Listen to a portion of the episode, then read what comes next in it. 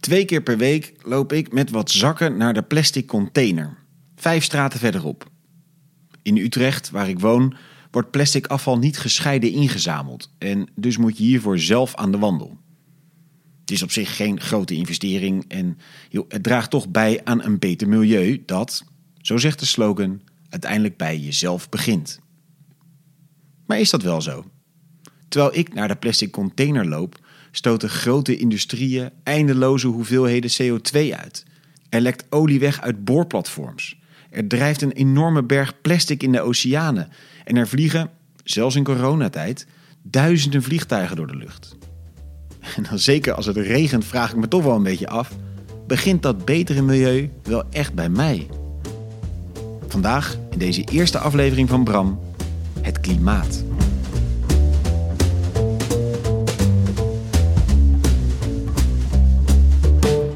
Goed dat je luistert naar Bram, de podcast die een stapje terug doet van de politieke dagkoers en zich richt op de grootste politieke vragen van dit moment.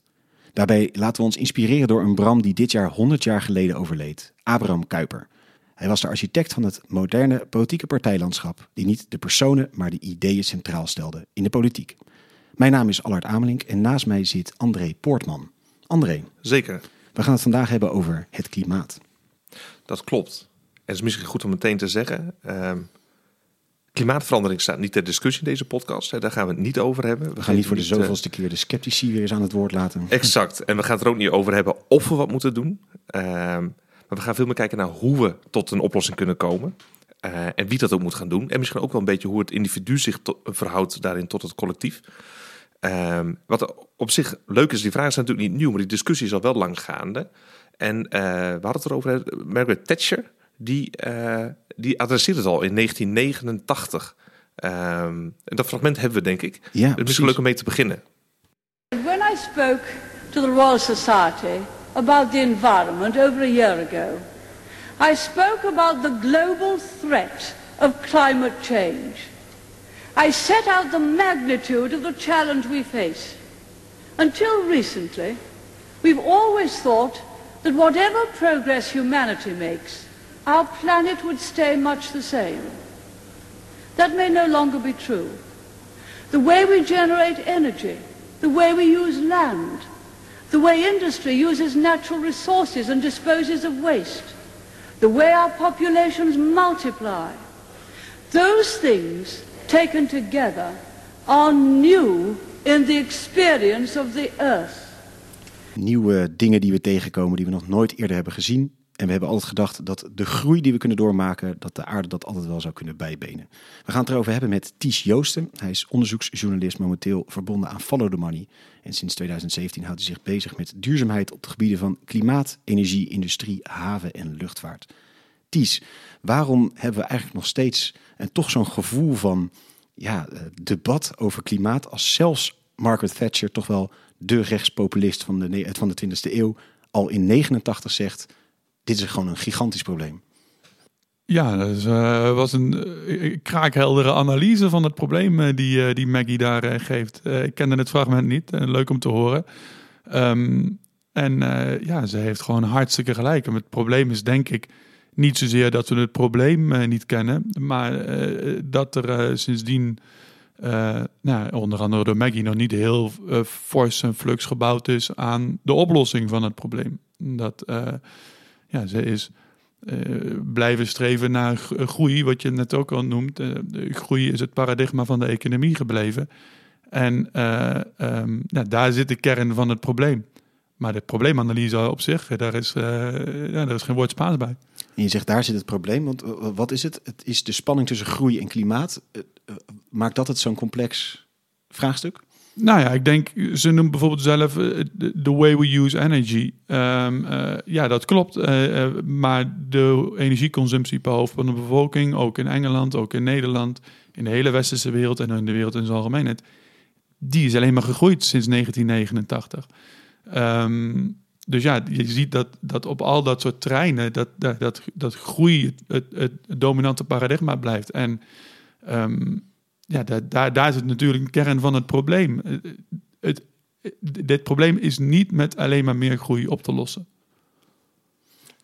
Ja, dus je moet, er moet iets anders dan alleen groei. Wa- wa- Wat zou het alternatief moeten zijn? Of welke grotere gedachteverandering is er nodig dan? Nou, kijk, dat verschilt een beetje per, eh, per, per thema natuurlijk. Kijk, eh, ik, ik, ik wil er altijd een beetje voor waken. Het is een heel groot probleem om er een soort één, één kant-en-klare oplossing op te plakken.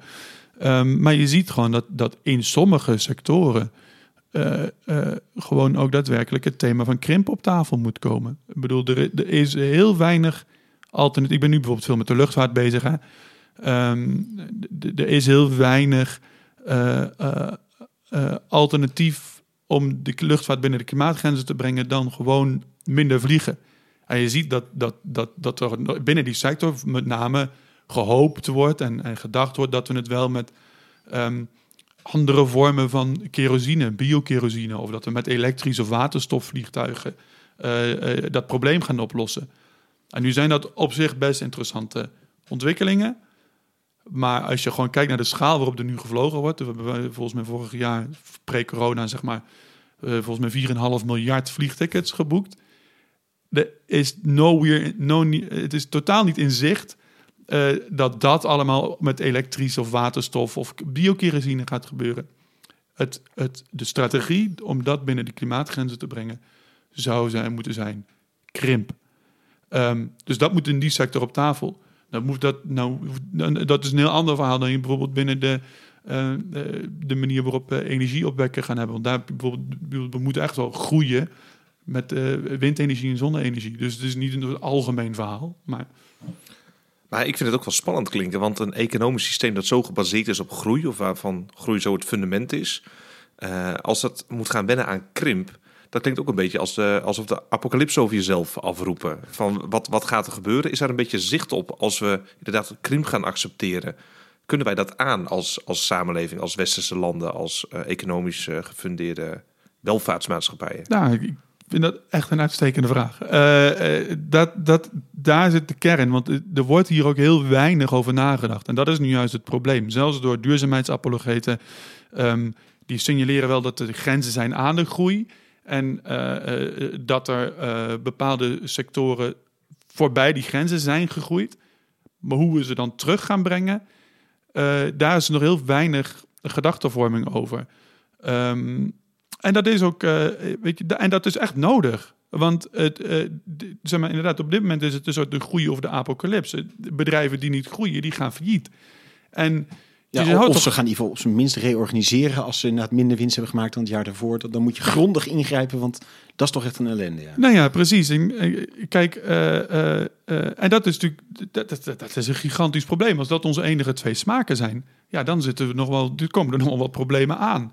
Maar je, je hoopt dat daar, eh, eh, wat, en dat weet ik ook, dat, dat voel ik aan, dat daar meer ruimte tussen bestaat. Maar dan moet je er wel over nadenken, strategieën opbouwen. Goed voorbeeld is bijvoorbeeld KLM.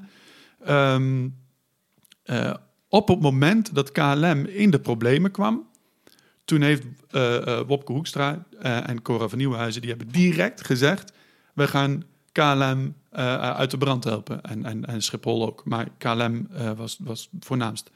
Ehm, daarmee hebben ze direct een strategische mogelijkheid uit de handen gegeven... om de maatschappelijke kosten van het redden van KLM wat beter te delen. Dat dat niet allemaal bij de belastingbetaler ligt... maar dat er ook aandeelhouders en financiers van KLM gaan meebetalen.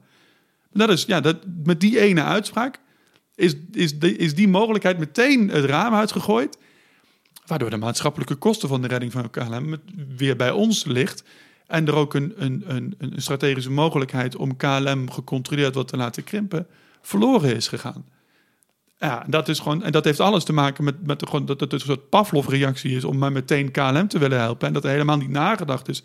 Dat er helemaal geen draaiboek op tafel ligt van hoe gaan we, hoe gaan we zorgen dat KLM gaat krimpen? Wat zijn de handige momenten om dat tegen de maatschappelijk zo laag mogelijke kosten te realiseren? Dat gebeurt bij, dat, die gedachtenvorming is nog ja, heel erg onderontwikkeld. En dat moet natuurlijk wel echt op gang komen als je bepaalde sectoren kleiner wil maken. Je zegt Pavlov-reactie. Die, Pavlov-reactie begon ooit met een belletje en echt eten. Wat is hier het, het echte eten wat er ooit lag zeg maar, bij KLM? Waarom zouden we KLM moeten redden? Waarom was, is dat ooit een goed idee geweest, zeg maar?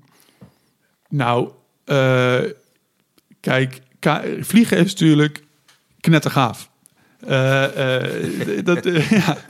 ja, vliegen is gewoon, weet je, dichter bij de goden zijn we niet gekomen, fysiek in, althans. Dus het is... Icarus na, toch? Sorry? Op Icarus na, maar dat ging wat Ja, dan nou, niet mis. Ja, Ja. Die, nou, ja, ja, we, we dromen er al sinds, van sinds de oude Romeinen, of de oude Grieken. Ehm, en het is gelukt. Tegen 5 euro naar Dublin. Weet je, dat is gewoon. eh, eh, ja, het is een enorme prestatie. En eh, eh, kijk, vliegen is, is heel lang ook een, een, een onderdeel geweest van het nationaal veiligheidsbeleid. Ik bedoel, in de, in de Tweede Wereldoorlog. Die oorlog is voor een groot deel gevoerd door de lucht. Dus, dus na dit Rotterdam, we zitten hier in Rotterdam, is Rotter- Rotterdam is gebombardeerd vanuit de lucht. Dus na de Tweede Wereldoorlog was het, het optuigen van een, nou, van een grote nationale eh, luchtvaartmaatschappij. En daar, eh, dat, dat raakte ook gewoon de veiligheidsbelangen. En ja, dus, dus er is echt wel ooit een eh, reden geweest om ook daarin aanwezig te willen zijn. Ehm, maar goed, van daaruit, dat, is, weet je, dat is geen verhaal ohne ende. En we zijn inmiddels 80 jaar verder. En ja, het veroorzaakt gewoon serieuze problemen. Ja, en dus, dus die reactie is geweest om dat maar eh, gaande te houden. Ja, en daar is iedere keer opnieuw is daar geld voor nodig geweest eh, van de belastingbetaler. Ja. Maar in het argument banen klinkt het ook heel snel van. Er staan allemaal banen op de tocht. Wa- wa- Wat is de rol van die banen daarin? Ja. Ehm, Sorry, grote vraag heb ik. het nee, nee, nee, nee, nee, nee. Ik moet daarom lachen. Ik moet daarom lachen. Kijk, kijk banen zijn de alfa en omega van dit soort van dit, van, van dit, van dit argumentenkaartje, zeg maar. Is, iedere wijziging die in de luchtvaart eh, of in de Rotterdamse haven die daar zo willen bewerkstelligen, of bij de boeren, zeg alle grote sectoren die, die een behoorlijke eh, klimaatimpact hebben. Er wordt heel vlug wordt de kaart banen op tafel gegooid, alsof iedereen eh, dan werkloos thuis zou komen te zitten. Nou, ik, heb, ben, ik ben daarin gedoken als onderzoeksjournalist, want ik wilde dat nou wel eens weten. Want ik, ik, ik telde het op een gegeven moment op. Hè. De, de, de, de luchtvaart zou goed zijn voor 370.000 banen. De Rotterdamse haven zou goed zijn voor 380.000 banen. Het gaat wel ergens over. Als je Nou, het zo opsomt. Ja. Nou ja, ik was op de optelling. Ik dacht, nou, volgens mij is eh, half Nederland langzamerhand piloot of eh, havenarbeider of boer. Nou, dat klopt dus ook totaal niet. Als je al die plannen bij elkaar optelt, kom je ook op meer Nederlanders uit dan bestaan? Of is dat Ja, dan kom je gewoon op meer baan. Ja, nou, dat een beetje gechargeerd. Maar dit, dit- ik ben er dus gaan uitzoeken. En ja, dat blijkt gewoon, dat blijkt gewoon een, een optelsom van allerlei verschillende dingetjes te zijn. Die of heel weinig met de luchtvaart te maken hebben. Of gewoon een, een, gewoon een hele oneerlijke economische luchtvaart, eh, eh, optelsom zijn. Om een voorbeeld te geven. Ehm, wat de luchtvaart doet, is zij, als ze zeggen wij creëren 370.000 banen, dan tellen ze ook eh, alle eh, eh, werkgelegenheid die voortkomt uit toerisme, tellen ze dan bij zichzelf op. Alsof die mensen voor KLM naar Nederland komen. Ja. Weet je, met, met precies hetzelfde recht zou je de, de, de prostituees op de Wallen zou je die banen kunnen toekennen. Of de coffeeshophouders. Of het Rijksmuseum.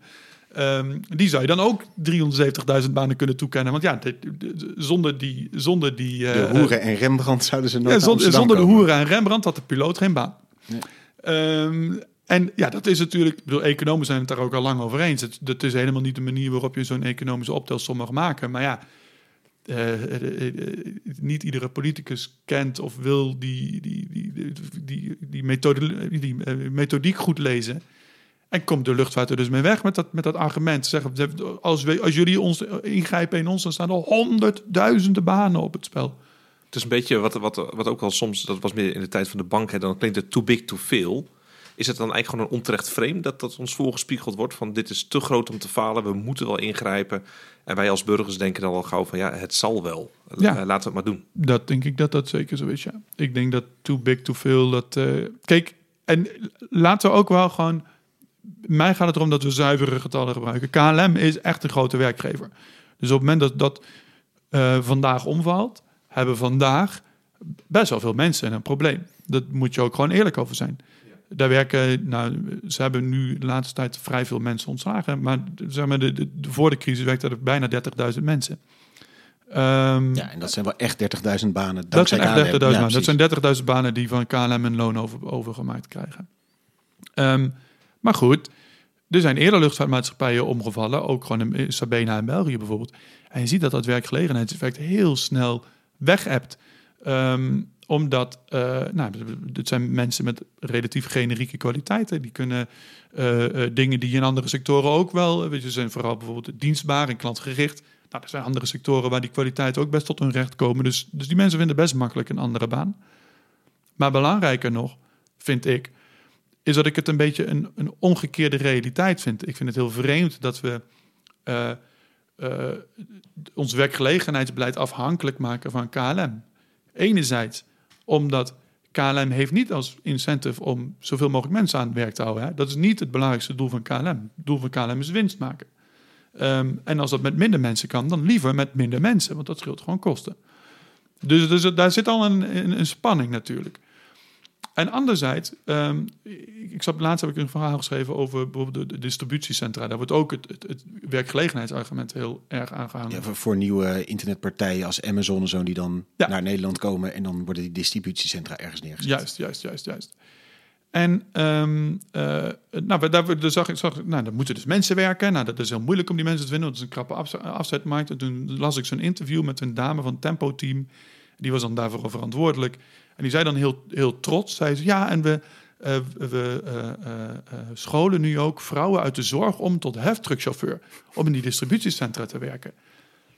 En, en heel trots, hè? kijk, het is heel feministisch en die, die vrouwen, vrouwen mogen ook heftruckchauffeur worden. En dat prima, vrouwen mogen ook heftruckchauffeur worden. Maar ik zat echt met mijn handen in na we zitten midden in een coronacrisis en the last thing we need is mensen die vanuit de zorg gehaald worden om in distributiecentra... Goedkope rommel te gaan Goedkope rommel in pakjes te gaan zitten stoppen. Ja, en dat, dat zou de vraag moeten zijn die op tafel ligt. Van wat voor werk willen we dat mensen doen in Nederland? En, en uh, wat, wat is het doel? Weet je, wat voor samenleving willen we bouwen? En dan gaan we daarna gaan we wel uitvogelen van hoe we daar zorgen dat de mensen daar een beetje zinvol een baan aan overhouden. En ik denk dat dan heel snel naar het antwoord is, is economische groei. Het feit dat denk ik veel partijen ook allemaal hun verkiezingsprogramma laten doorrekenen door het CPB is allemaal om de koopkrachtplaatjes. En dan is het natuurlijk altijd slecht als je een partij op min hebt staan. Nee, alles moet meer.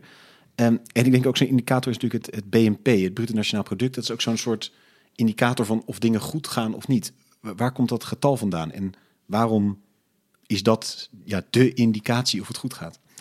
Nou, dat, dat, kun je, dat, dat is een, ja, ik vind dat uh, een van de meest fascinerende mensen, van de meest fascinerende economen van de afgelopen eeuw, de Simon Kuznets. Een, uh, volgens mij een Rus of een Tsjech, in ieder geval die naar Amerika is gegaan en Amerikaan is geworden. En die heeft het BNP ontwikkeld. Um, opdracht van, van Roosevelt in eerste instantie om als een methodiek om uit te rekenen in hoeverre de doelen van de Green New of van de, van de New Deal, sorry, niet Green New Deal, dat is later, New Deal. Um, in hoeverre die dichterbij kwamen. Ja, en dat was het antwoord van Roosevelt op de economische crisis van zijn tijd. Exact, exact. De jaren 30, zeg maar. Ja. Nou, en, en, hij vroeg, nou, hoe kunnen we nou eigenlijk in de gaten houden of dat hem überhaupt een beetje lukt? Hè? Of, we die, of we zorgen dat de, de, de armoede uh, minder wordt in Amerika. Nou, daar, Koesnets ging dat ontwikkelen. Uh, daar kwam als methodiek uh, het BNP-berekening uit. Nou, toen brak de Tweede Wereldoorlog uit. Toen bleek de BNP nog steeds een heel handig instrument. En maar het werd op dat moment kreeg het een ander doel aan zich gekoppeld, namelijk het opvoeren van de uh, oorlogsproductie. Dus uh, lukt het ons met deze investeringen om meer vliegtuigen, meer, meer kanonnen, meer tanks, meer kogels te produceren, meer soldaten op te leiden. Um, nou, daar bleek het ook een heel handig middel voor te zijn. En dat, en dat lukte ook. En nou goed, Amerika won de oorlog. Um, maar wat daarna is gaan gebeuren langzamerhand, is dat BNP niet meer een middel werd om een bepaald om uit te rekenen of een bepaald doel dichterbij kwam, maar het is een doel op zichzelf geworden. En ja, het is natuurlijk ook een krankzinnig leeg doel. Hè? Ik bedoel, groei van wat? Voor, voor wie? Als ik hier een kop koffie over jouw mengpaneel heen gooi je moet daardoor een nieuw mengpaneel kopen, dan is dat... winst voor het BNP. Dat is winst voor het BNP, maar ik zou toch niet zeggen dat het per se... Een, of zijn minst voor onze onderlinge verhoudingen zou slecht zijn, inderdaad. Dat zou ik niet... Nee. Of, zijn minst voor onze onderlinge verhoudingen, inderdaad. Nee, nee, precies. Maar er wordt dan ook gezegd, er hangt welvaart mee samen. Dus wij uh, als burgers uh, schieten daar ook wat mee op, want wij worden er welvarender van. Ja, maar dat, kijk, dat, dat je gewoon een hele mooie cijfertjesreeks kun je dat laten zien. Dat blijkt gewoon dat, dat, uh, dat het BNP uh, de BNP-groei van de afgelopen 30 jaar niet terechtkomt bij de besteedbare inkomens van, van Nederlanders. Dus die, die, die, die besteedbare inkomenslijn die blijft nagenoeg vlak. En de, en de, eh, lijn met eh, eh, de BNP-lijn, die groeit ieder jaar. Maar goed, eh, dat is meer een, misschien een distributievraagstuk. Wat André volgens mij meer zegt is, als het wel goed terecht zou komen bij de mensen, is dat toch bonus? Nou ja, kijk, maar, maar ja, dat is ik nog best een groot probleem, toch? Als we, een- als we een doel aan het nastreven zijn en we raken in de paniek als, als er staat... een- oh jee, het is min 0,5 procent en, en iedereen is in paniek. Terwijl al 30 jaar procent, of dat nou plus 5 of min 4 procent is... Dat het, dat het in principe niet bij de mensen terechtkomt. Ja, nee, is ook Eh. een groot probleem. Maar, ja, nee, zie- eh, helemaal eens. Maar zeg maar een stap verder terug is de vraag: is het überhaupt een slecht meetinstrument? Los van of het bij de mensen terechtkomt. Want dat laatste is een, een kwalijk ding. Maar dat, het gaat hier natuurlijk over dat BNP zelf. Het BNP is een fantastisch meet- meetinstrument, maar je moet het wel als een middel zien. Het is een, het is een techniek om, om te kijken of we bepaalde doelen dichterbij brengen. En eh, eh, dan moet je dus gaan bepalen welke doelen willen we nastreven. En dat is een inherent politieke vraag. Eh, en iedere stroming kan daar zijn, zijn, zijn, zijn zegje over doen. Ik denk de liberalen, de conservatieven hebben daar allemaal hun mening over. Maar, maar het, het punt is, het BNP als doel is sowieso imperfect. Misschien een mooi bruggetje naar een, eh, een fragment van, eh, uit 1968, waar eigenlijk dezezelfde kritiek ook al klinkt, van Bobby Kennedy, eh, presidentskandidaat toen de tijd in 68 vermoord. Ik weet trouwens niet of de toespraak uit 68 komt. Waarna die kritiek heeft op het eh, BNP. Want die zegt, ja, wat meet dat nou precies? Het is inderdaad een eh, toespraak voor de University of van Kansas in eh, maart 68. Our gross national product now is over $800 billion a year. But that gross national product, if we judge the United States of America by that, that gross national product counts air pollution and cigarette advertising and ambulances to clear our highways of carnage. It counts special locks for our doors and the jails for the people who break them. It counts the destruction of the redwoods and the loss of our natural wonders in chaotic sprawl. It counts napalm, and it counts nuclear warheads and armored cars for the police to fight the riots in our cities. It counts Whitman's rifle and Speck's knife, and the television programs which glorify violence in order to sell toys to our children. Yet the gross national product does not allow for the health of our children, the quality of their education, or the joy of their play. It does not include the beauty of our poetry, or the strength of our marriages, the intelligence of our public debate, or the integrity of our public officials. It measures neither our wit nor our courage, neither our wisdom nor our learning, neither our compassion nor our devotion to our country. It measures everything in short, except that which makes life worthwhile. And it can tell us everything about America, except why we are proud that we are Americans. Ja, dus het BNP meet eigenlijk alles wat niet van waarde is in zekere zin. Ja, hij kan het mooi vertellen. Ja. Helaas werd hij dus niet veel later vermoord eh, dat jaar. Ehm, als we dan kijken naar, het- naar denk ik, die, dat BNP, ik denk dat misschien het, het, het aardige daaraan is of zoiets, of waarom het een taal is die veel mensen spreken, is dat het misschien boven al die politieke verschillen uit een soort ja, gemeenschappelijke taal is. Je kunt het in cijfertjes uitdrukken, je kunt zien wat een partijprogramma doet. Hoe zou je dat zien? Hoe zou de, in relatie tot klimaat, wat zou dan de gemeenschappelijke taal zijn die we kunnen spreken of zoiets over partijen heen? Nou, ik denk enerzijds moet je erkennen dat de politiek niet per se het podium is waar je uiteindelijk. eh, eh, het gaat, daar gaat het om het uitwisselen van verschillende ideeën. Dus je mag daar best een verschillend doel hebben voor Nederland. En dat, dat, dat het groei van het BNP als een soort algemeen doel, partijoverschrijdend doel maken. eh, eh, eh, ja, ik, dat, dat, dat, dat, doet daar geen recht aan. Ehm, eh, dus dat zou ik enerzijds willen zeggen. Dus ik denk dat, dat, dat de noodzaak voor een taal die overkoepelend is in, binnen de politiek niet zozeer, niet zozeer van belang is. Ehm, los daarvan denk ik dat, dat, we, dat we heus wel wat doelen weten. Als wij hier nou met elkaar een half uurtje gaan filosoferen, komen we heus wel tot een lijstje met doelen die waarschijnlijk de meeste mensen wel zouden delen met elkaar. Ik bedoel, ik denk dat iedereen wil dat, dat, dat, dat we wat doen aan klimaatverandering. Dat we willen dat de zorg voor de, eh, op orde is. Dat wat gebeurt aan de eenzaamheid van ouderen. Dat, die on- dat, dat onze opa's en oma's sowieso goed verzorgd worden. Dat het onderwijs op orde is. Ehm, nou goed, we hebben laatst een, een lijstje gezien met, eh, met de, de essentiële beroepen. die in het begin van corona. Ja, dat was eigenlijk een heel nuttig lijstje. Dat was, inderdaad. een, dat was een krankzinnig nuttig lijstje. En het is precies het lijstje van de mensen die, die we het minst betalen. Weet je? En daar zou iedereen toch iets voor moeten hebben van... ah ja, dat is wel eigenlijk een klein beetje krom. En ik bedoel, ik- los van de politieke verschillen... en eh, eh, die er zeker moeten zijn, denk ik... ehm, ja, spreekt uit dat lijstje toch dat, dat we toch heel wel duidelijk... best wel een overkoepelend idee Stiekem hebben van... eigenlijk wel doorhebben waar het over gaat. Ja, precies. Ja. En dat BNP gooit ons iedere keer zand in de ogen, omdat het eigenlijk helemaal niet duidelijk maakt of die doelen dichterbij komen. Ik bedoel, eh, eh, BNP groeit, of eh, zeg maar binnenkort gaat het BNP dalen. Hè. We krijgen straks weer allemaal lijstjes met dat de economie in 2020 en 2021 gedaald is, want corona is verschrikkelijk. Ehm, maar ja, weet je, ja, zeg maar, we weten welk doel is nou precies daarmee verder uit zicht geraakt? Of, of, of is daar een doel verder uit zicht geraakt? Zeg maar, het probleem we, zien we wel. Dat is het eh, corona en het virus en de lockdowns. En hoe we daarmee moeten omgaan. En de uitwisseling tussen vrijheid en, en, en ziektebestrijding. En, en de verantwoordelijkheid die we na- naar elkaar hebben. Dat zijn inherent politieke vragen. Ehm, maar ja, de BNP zegt heel weinig. Daar word ik nooit mee wakker, nee. Maar is het ook niet zo dat de politiek misschien ook wat achter de samenleving aanloopt op dit punt? Want je ziet overal, als ik bijvoorbeeld kijk naar eh, ik ben dertiger, als naar mijn eigen generatie kijk, daar is al lang een soort beweging ook aan de gang van winst naar waarde. Als ik kijk naar eh, mensen die wat minder werken, eh, omdat geld niet het enige is waarvoor ze leven, die wat meer tijd aan hun gezin willen besteden.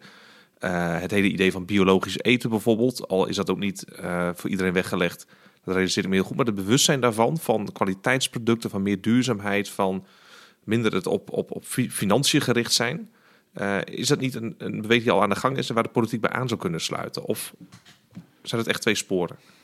Nee, het zijn niet twee sporen. Alleen ik denk dat je wel een klein... Ja, ik- wil niet beledigend klinken, maar ik denk dat je een klein beetje vanuit je bubbel redeneert. Want eh, eh, ja, kijk, ik, zoals we zitten nu, afgelopen vrijdag was het Black Friday. En eh, las ik weer een artikel in de krant dat we gewoon ieder jaar weer meer spullen kopen. Eh, als, ah, als, nee, als samenleving, als Nederlanders, eh, als de optelsom van ons allemaal. Ehm, eh, ja, we zitten hier op, op Rotterdam-Zuid. En ja, ik kan je garanderen dat, dat echt niet iedereen hier op die manier, met, met, op die manier ermee bezig is. Ook, en inderdaad heel terecht wat je zegt, omdat het ook lang niet mogelijk is. De, de, de, de, de, de regels die we maken, de manier waarop we de economie hebben ingericht. Ehm, als je zegt van ik, mensen die wat korter willen gaan werken, ja, dat moet maar wel kunnen. Hè? Ik bedoel, er zijn genoeg banen. We ik noem net het lijstje met essentiële beroepen. ehm, waar wat minder gaan werken gewoon een serieus offer is. Ehm, ja, ja, zeker.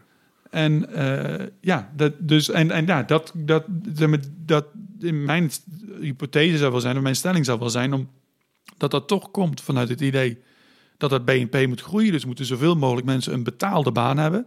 Dus dus oefenen druk uit om mensen om niet. Er bestaat een incentive voor mensen om, om minder tijd met hun kinderen door te brengen. En meer tijd. ehm, ja, eh, Amazon eh, pakketjes rond te rijden. Of, eh, of ja, Chinese meuk in, en dan zeggen we dat in, in, in- naar, naar Duitsland te vervoeren. En dan zeggen we, dan zijn we lekker bezig. Ja, en, en, en die incentive zouden we moeten herkennen. En, eh, en ik zou zeggen, moeten bestrijden. We gaan volgens mij nu over een beetje richting de blok naar wat moeten wij doen, wat moeten we doen. Ehm graag ga ik over naar eh, professor George Haring, die net een, een historische les heeft over hoe de hele thematiek van milieu en klimaat al eh, ja, decennia lang een thema is. De eerste Nederlandse moderne politieke partij, de Antirevolutionaire Partij en voorloper van het CDA, had het milieu bij de oprichting in 1879 al in zijn programma staan. Niet zo hoog als later de CAU, een andere voorloper van het CDA, die in 1970 het milieu op één zette. Maar artikel 15 van dat partijprogramma uit 1879 zegt dat de overheid in het belang van de volksgezondheid te waken heeft tegen vergiftiging van de dampkring of het water. De overheid? Vroegen de liberalen en de conservatief van zijn dagen. De burger, zul je bedoelen. Die is immers verantwoordelijk voor zijn gezondheid en moet zijn eigen omgeving schoonhouden. Nee, zei Kuiper, ik scheid hier privaat en publiek niet. Ook persoonlijke hygiëne raakt aan politiek. Kuipers motto was: een beter milieu begint thuis, bij het huisgezin. want dat was de kleinste eenheid in zijn organische samenlevingsvisie. Het ging dan vooral om hygiëne, een begrip dat een eeuw later nog gekoppeld was aan het milieuvraagstuk. In 1971 trad in het eerste kabinet Biesheuvel bij wijze van noviteit een minister voor milieuhygiëne aan. Nu zat het met die hygiëne in Nederland volgens Kuiper zo dat Hollandse huishoudens stuk waren op properheid. Daar begon volgens hem een goed milieu, bij een schoon huis en een geregelde badbeurt. Op dit punt viel er in de 19e eeuw nog veel te winnen. Zo moest de aanleg van betere woningen met badgelegenheid, van gesloten toiletten en van rioleringen in de steden en de dorpen volgens Kuiper krachtig door de overheid worden bevorderd, in naam van de volksgezondheid. De overheid moest voor deze inbreuk in de private sfeer geld uittrekken, onder andere door belasting te heffen op zeep, eigenlijk een soort hygiënebelasting. Die hygiëne was geen doel op zichzelf voor Kuiper omdat een gezond lichaam en een gezonde geest elkaar wederkerig beïnvloeden, was de hygiëne ook een morele zaak. Dat gold niet alleen het weren van ziekte, ook dronkenschap en vuile praat liggen op één lijn met een vervuild milieu. Dit alles betrof het persoonlijke gedrag en de volksgezondheid. Maar hoe moest het met wat wij vandaag het milieu- of klimaatvraagstuk noemen? De bedreiging van een gezonde leefomgeving van buitenaf. Een fabriek vervuilt de lucht. Een zinkput verontreinigt de bodem. Schijnbaar is dit een inwerking van het ene private terrein op het andere. Een zaak van burgers onderling dus. Maar zo zat het niet, zei Kuiper. Hier is het publieke domein dat als vervoermiddel diende om schadelijke stoffen van het ene perceel naar het andere over te dragen. Bescherming van dat leefmilieu tegen afvalstoffen van bedrijven is dus een algemeen belang. Hier ligt een overheidstaak op economisch terrein, zei Kuiper. Hij streek hiermee tegen de haren van politici en vrije marktdenkers in. Wie moet dat overheidshandelen dan betalen? De zeebelasting bestond al. Samen wasten en boenden de burgers de lokale riolering bij elkaar. De schoonmaker betaalde voor zijn eigen milieuvriendelijke voorzieningen. Dat was 19e eeuws milieubeheer, vooral vanuit en voor de private kring. De algemene milieuvervuiling bleek veel lastiger aan te pakken, al wilde Kuiper ook dat. Dat raakte niet aan de volksgezondheid, maar de economie. Moest de overheid dat doen? Moest het bedrijfsleven dat doen? Een eeuw later paste de christelijke politiek het principe van de zeebelasting uiteindelijk ook toe op het milieuvervuilend bedrijfsleven. Zij het in omgekeerde zin. Niet de schoonmaker, maar de vervuiler betaalt. Kuiper achtte persoonlijke hygiëne een onderdeel van goed burgerschap en nam het op in zijn politiek programma. Omdat het persoonlijke, morele en het publieke, politieke bij elkaar hoorden. Zo ook betoogde antirevolutionair politicus Bob Goudswaard dat privaat ondernemerschap en ons gezamenlijke milieu bij elkaar horen. Daarom was hij rond 1970 tegen een apart ministerie voor het milieu. Juist in de samenhang met de economie werd duidelijk dat het milieu geen technisch, maar een moreel vraagstuk was. Wat was in dit verband goed ondernemerschap? Hoe krijgt niet alleen arbeid rechtsbescherming, maar ook het milieu? Waar Kuiper ten bate van het milieu een eenmalige breuk van de overheid in de zelfstandigheid van de gezinskring bepleitte, redeneert de christelijke politiek een eeuw later structureel vanuit de verantwoordelijkheid van allen voor het milieuvraagstuk: burger, bedrijfsleven en overheid. Bij alle verschil deden beide dit vanuit het besef dat het milieu geen technisch, maar een moreel vraagstuk was. Een vraagstuk van goed burgerschap en van de goede samenleving. In die zin begint een beter milieu, een beter klimaat in 1879 en vandaag nog steeds bij jezelf. Ook als die vraagstukken verre de individuele verantwoordelijkheid overtreffen. Ties, we horen in deze uh, historische les terug naar dat het betere wereld begint bij jezelf, een beter klimaat. Het is een moreel vraagstuk, niet iets wat we technisch moeten oplossen. Hoe zit die verhouding wat jou betreft in de oplossingshoek tussen het collectieve en het individuele? Zeker als ik denk aan wat ik aan het begin zei, ik scheid keurig met plastic, daar doe ik enige moeite voor. Maar aan de andere kant vindt er zoveel ellende plaats dat dat ene gescheiden stukje plastic eigenlijk geen reet lijkt uit te maken. Grote vraag. Grote vragen. Je, je houdt van grote vragen. Nee, ehm, eh, kijk. Dat is een soort. ik- ik- ik- Binnen de, binnen de milieubeweging, in ieder geval mensen die ermee bezig zijn, is dit, wordt, is, wordt dit debat eh, keer op keer opnieuw gevoerd. Een soort eh, consumentisme versus ja, colle- collectivisme, om maar zo te zeggen. Ehm, kijk, ik, hoe ik er zelf in sta, eh, eh, eh, ehm, ik- ben me bewust van dat ik als consument een zeker een, kleine impact kan maken. Die is altijd klein. Het klimaatvraagstuk is heel erg groot, dus je eigen invloed is, je individuele invloed daarop is heel erg klein. Ehm, eh, maar ik denk niet te min dat de optelsom van heel veel verschillende individuen tot iets groots kan leiden. Ik denk, ik heb alleen wel soms het idee dat mensen de cijfertjes niet zo goed snappen. Dus, dus ehm, jij zegt, jij scheidt je, je plastic. Kijk, ik, ik, dat kost je moeite, zeg je. En mij, de dingen die ik doe, kosten mij ook moeite. Alleen ik heb wel een keertje nagedacht over de vraag... eh, met de beperkte moeite die ik wil doen... wil ik graag een zo groot, groot mogelijke impact maken. Al is die impact natuurlijk op de grote schaal dingen altijd enigszins klein.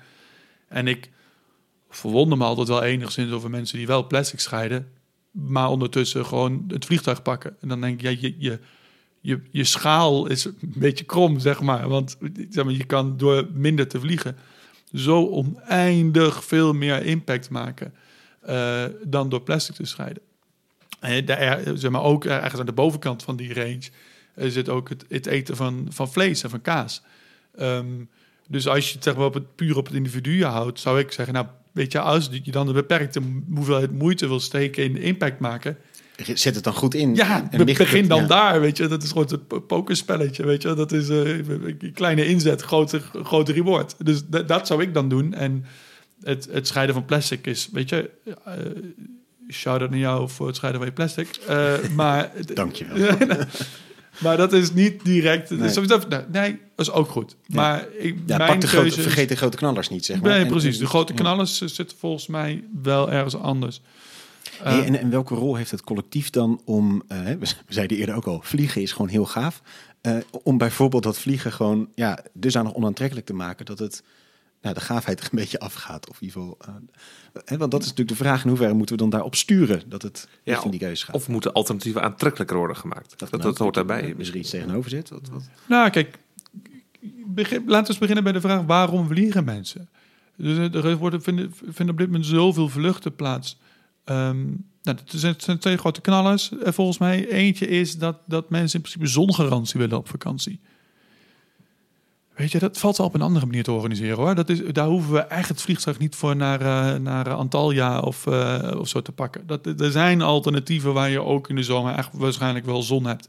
Ehm, want laat eerlijk zijn, de- voor, voor een grote groep van die reizigers is, is, is dat de hoofdmoot, de hoofdreden dat ja, ze het is graag... zeer de, de Turkse cultuur, want je wilt het liefst die frikandellen ook nog eten in Antalya. Maar, nee, precies. Ja. En, en, en weet je, daar, daar moet je niet badinerend over doen. Als dat de manier is op je graag vakantie wil vieren, dan is dat echt prima. Die mensen werken hele, hele, hele, ja, hartstikke hard.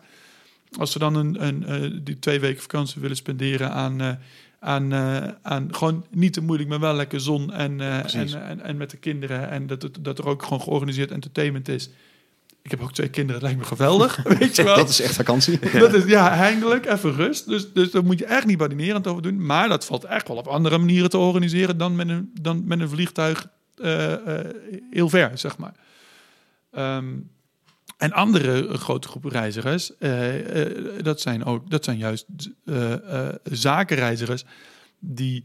En daar vind ik de grote ongelijkheid schuilen. Dat zit niet bij die groep mensen die, die met de kinderen één keer per jaar op vakantie willen. Dat zijn de groep zakenreizigers die in Amsterdam wonen omdat ze lekker in de plaatselijke buurtkroeg bij de Vrijmibo willen zitten, maar vijf dagen in de week in Londen zitten. En vijf dagen heen en weer, vijf, vijf keer per week heen en weer, of drie keer per week heen en weer vliegen. Ehm, en, en dat tegen een, een absurd lage prijs. En eh, nou, ik stel voor, kijk, daar kun je gewoon met, met hele gerichte belastingmaatregelen, moet je daar gewoon, wat denk ik, wat aan doen. De, de, de- ik zou zeggen, kijk, ik ben wel een voorstander van een progressieve vliegtax. Je eerste vlieg, vliegticket is relatief goedkoop, maar ook nog wel wat duurder dan nu, want Die 5 je- euro naar Dublin hebben we het al even over gehad. Vijf euro naar Dublin of voor een tientje naar Antalya. Ik bedoel, dat mag ook best 100 euro kosten. Hè? Ik bedoel, vakantie mag ook wel wat kosten. Ehm, maar goed, dat mag nog wel binnen de, binnen het, dat- binnen de bereikbare van, van het grote deel van de samenleving liggen. Maar je derde, je vierde, je vijfde vlucht maken maar 5000 euro per, ticket naar Londen. En kijk dan maar eens. Weet je, dan ga je ook volgens mij veel realistischere afwegingen krijgen. Dat zie je nu al. Nu, nu namelijk die, de coronacrisis om zich heen staat en je niet naar Londen kan reizen. Blijken heel veel van die vergaderingen waarvan die zakenmannen denken dat ze onmisbaar zijn. Daar blijken ze helemaal niet zo onmisbaar te zijn. Dat blijken helemaal niet zulke hele belangrijke vergaderingen. Waar, weet je, dat, de, dat kan best met een Zoom-meeting of een telefoongesprek afgedaan worden. Dat is dus ook een soort gewoonte geworden om daar dan maar weer bij te gaan zitten. En daar is een hele infrastructuur omheen gebouwd. Ehm, maar ja, daar, daar, kan, dat kan gewoon minder. Zou ik zeggen, dat hoeft niet anders. Dat kan gewoon minder. En de alternatieven dan? Want dan kan bijvoorbeeld die Eurostar naar Londen natuurlijk als, een, een, als dat een waardig alternatief is. Of zeg je dat Nou. je zit alsnog in dat groeiparadigma? Ja, of nou dat- met de trein naar Spanje of Italië, dat dat een beetje betaalbaar is. Nou, kijk, dit, kijk ja, ik, zou, de- ik, ik, ik ben die gek die het doet. Hè. Ik ben met de trein naar, ik, ik ben de trein naar de Boot naar Ibiza gegaan. Nou, dat is echt verschrikkelijk, omdat je al die verschillende tickets moet boeken. En het is krankzinnig duur, maar goed. En heel- hoe lang heb je daarover gedaan? Eh, op de heenweg twee, eh, ja, ja, dat weet ik, keer heen en weer twee dagen. Ja. En met vliegtuig anderhalf uur. Ja. En het kost het één ticket heen en weer kosten, weet ik veel, 700 euro of zo. Dus ja, het echt, staat het gewoon een- echt niet in verhouding. Nee, het staat er totaal niet in verhouding. Maar ja, goed. in- De, de, de, de- kijk, het is mijn werk, dus het is, ik vind het ook prima om dat, eh, dat te doen. Maar dat moet natuurlijk veel beter georganiseerd worden. Er ligt ook een rol voor Europa. Eh, dat moet echt gebeuren. Alleen moet ook niet doen alsof, alsof het aanleggen van hoge snelheidslijnen volledig kosteloos is. Hè? Ik bedoel, dat gaat dwars door natuurgebieden heen. Dat kost een enorme kapitaalinvestering. De, de, de, de, operationele kosten zijn dan weer wat lager dan bij vliegen. Dus zeker maatschappelijk eh, gezien. Maar de, dus de, de, kapitaalinvestering aan het begin is gigantisch. Dus dan moeten we eigenlijk niet eh, wegredeneren. Dat kost gewoon echt wel heel veel geld. Ehm, en het zit inderdaad weer in dat groeiparadigma. En het, en het punt, zeker met die zakenreizigers, is volgens mij... Ja, die, die, die Eurostar mag wel wat vaker rijden. Maar ze zijn ook echt wel wat minder vaak in Londen nodig. Is ook een soort elitair dingetje om dan iedere keer meer weer daar te gaan zitten. En het, het, imago jezelf aan te meten dat je dan wereldburger bent. En dat je, dat, dat- je op, op, op maandag in New York vergadert en op woensdag in Zurich en op vrijdag in Londen. Weet je, je bent daar niet overal nodig. Ik geloof dat niet, dat is niet zo. Je bent niet onmisbaar. Het kan allemaal echt wel een stukje minder. Eigenlijk zeg je ook van, laten we een paar dingen vasthouden die corona ons noodgedwongen heeft opgelegd. Ik moet denken aan een artikel van eh, Vlaamse psychiater Damian Denis, die dat noemde. Van corona is een correctie op onze megalomane leefstijl. Eh, naast alle leed die er ook eh, door veroorzaakt is, is het ook interessant om te zien van wat profiteert de natuur even van onze verandering in leefstijl. En kunnen we meteen al misschien ook dingen vasthouden voor volgend jaar en de jaren die nog komen. Ik kan me voorstellen dat inderdaad die vergaderingen vanaf nu echt anders worden ingericht. Ja, nou, daar zijn, er, zijn, er zijn behoorlijk veel mensen die dat, nou, dat, dat wordt echt wel gezien. En dat wordt, dus, dat wordt dus gezien door heel veel buitenstaanders en ook wel wat experts binnen de sector als ja, dit, dit, bedreigt, dit, gaat de, de luchtvaart bedreigen. En de luchtvaart redeneert. De, de Pavlov-reactie van de luchtvaartsector is volledig om dat weg te redeneren. Dat gaat niet gebeuren. Je ziet nu alweer allerlei geluiden en bewegingen. De eerste commercials ook opkomen van de luchtvaartsector die zeggen dat dat face-to-face contact echt onvergelijkbaar is met het, met het, met het Zoom-contact. Ehm, dat het vertrouwen schept. En ik bedoel, weet je, ik zag ook niet dat je helemaal nooit meer met elkaar live mag afspreken. Laat dat ook duidelijk zijn. Maar ehm, je ziet nu dus dat de reactie alweer eens niet is hoe kunnen we dit gebruiken, maar eerder van hoe kunnen we dit wegredeneren en hoe kunnen we zo snel mogelijk weer die stap zetten naar business as usual. Hey, en, dit zijn dat, die, collectieve beweging. Daar is natuurlijk ook gewoon een collectief eh, stem met de voeten voor nodig. Zeg maar, dat we met z'n allen daar anders in handelen. Maar ook dus eh, zorgen dat de overheid daar anders in gaat handelen. Wat is nodig om eigenlijk misschien ja, de, de, die vraag van het begin naar die andere waarden te komen? Hoe kunnen we ons bevrijden uit dat paradigma van die economische groei? Ja, sorry, ik blijf hier met grote vragen bestoken, maar ze komen gewoon telkens op. En dat is ook een vraag, denk ik, aan ons allemaal, zeg maar. Maar van hoe voorkomen dat we weer toch in diezelfde groef terechtkomen? En toch weer, ja, na de business as usual is ook dat meer, meer eh, en meer, zeg maar. Terwijl er toch, nou, met Bobby Kennedy zeggend, belangrijkere waarden zijn dan dat. Ja, maar dat is natuurlijk, kijk, het is, het is ook niet erg dat het een grote vraag is, want het is de vraag, wat vind je nou eigenlijk precies belangrijk? Ja. Ik bedoel, mag, weet je, dat mag ook best, een, een mag ook best een moeilijke vraag, vraag? zijn. Dat is helemaal niet erg. Ehm, en eh, eh, ja, du- du- dus, dus ja, laat, laat, ga erover nadenken. Ik ga binnenkort, mag ik ehm, bij de hogeschool en bij een eh, honorprogramma, mag ik met een groep verschillende studenten ga ik eigenlijk een beetje ditzelfde verhaal houden van, nou, uh, de BNP is, is, zeg maar, dat is een doel geworden met zo'n middel moeten zijn. De vraag, je zou jezelf de vraag moeten stellen, wat is nou eigenlijk het doel wat je wil nastreven? En ik ben heel benieuwd wat de antwoorden ik daar krijg, want ik ga mensen, we zitten met studenten die verpleegkunde doen, die journalistiek doen, die rechten doen, die economie doen, die allerlei verschillende disciplines doen. En dan de, de, de, jongens en meiden die daar geïnteresseerd zijn in, in, in, in, een extra programma. En um, nou, ik ben echt heel benieuwd wat voor antwoorden daaruit komen. Dus beantwoord die vraag maar eens echt vanuit een perspectief van een verpleegkundige. Van wat, wat, wat zou een goed doel zijn om, om, om, om onze prestaties als maatschappij af te meten? Beantwoord die vraag maar als onderwijzer, beantwoord die vraag maar als podcastmaker. Ik denk dat iedereen daar zijn eigen antwoord op moet formuleren en, dat, en daar best wat langer over mag nadenken. Um, dus ja, weet je, gewoon met die vragen doe je. We horen graag de antwoorden, Ties. Ik wil je heel hartelijk danken voor een uh, superboeiend gesprek. Waar uh, volgens mij het laatste woord nog niet over gezegd is. Maar uh, dank voor deze goede uiteenzetting en de scherpe vragen die je ons stelt. Dankjewel. Leuk dat je luisterde naar deze eerste aflevering van Bram. Hopelijk heeft ons gesprek met Tiesje aan het denken gezet, of misschien wel je denken wat verder gebracht. We zijn heel benieuwd hoe jij kijkt naar die spanning tussen verantwoordelijkheid van het individu en de verantwoordelijkheid van het collectief ten aanzien van klimaat. Herken je dat groei eigenlijk wel ongeveer de allerbelangrijkste waarde lijkt te zijn? En welke waarden zouden volgens jou misschien een goed alternatief zijn voor groei? Laat ons weten in onze Telegram groep. Daarin kun je discussiëren met andere luisteraars. De informatie voor hoe je kan inloggen in deze groep vind je op www.cda.nl/wi. Vergeet je daarnaast niet te abonneren in je podcast-app als je op de hoogte wilt blijven van nieuwe afleveringen. En dat zou ik zeker doen, want we gaan binnenkort in gesprek met Jelle van Baardenwijk van de Vrije Universiteit in Amsterdam en de Hogeschool Rotterdam over marktwerking. Graag tot dan.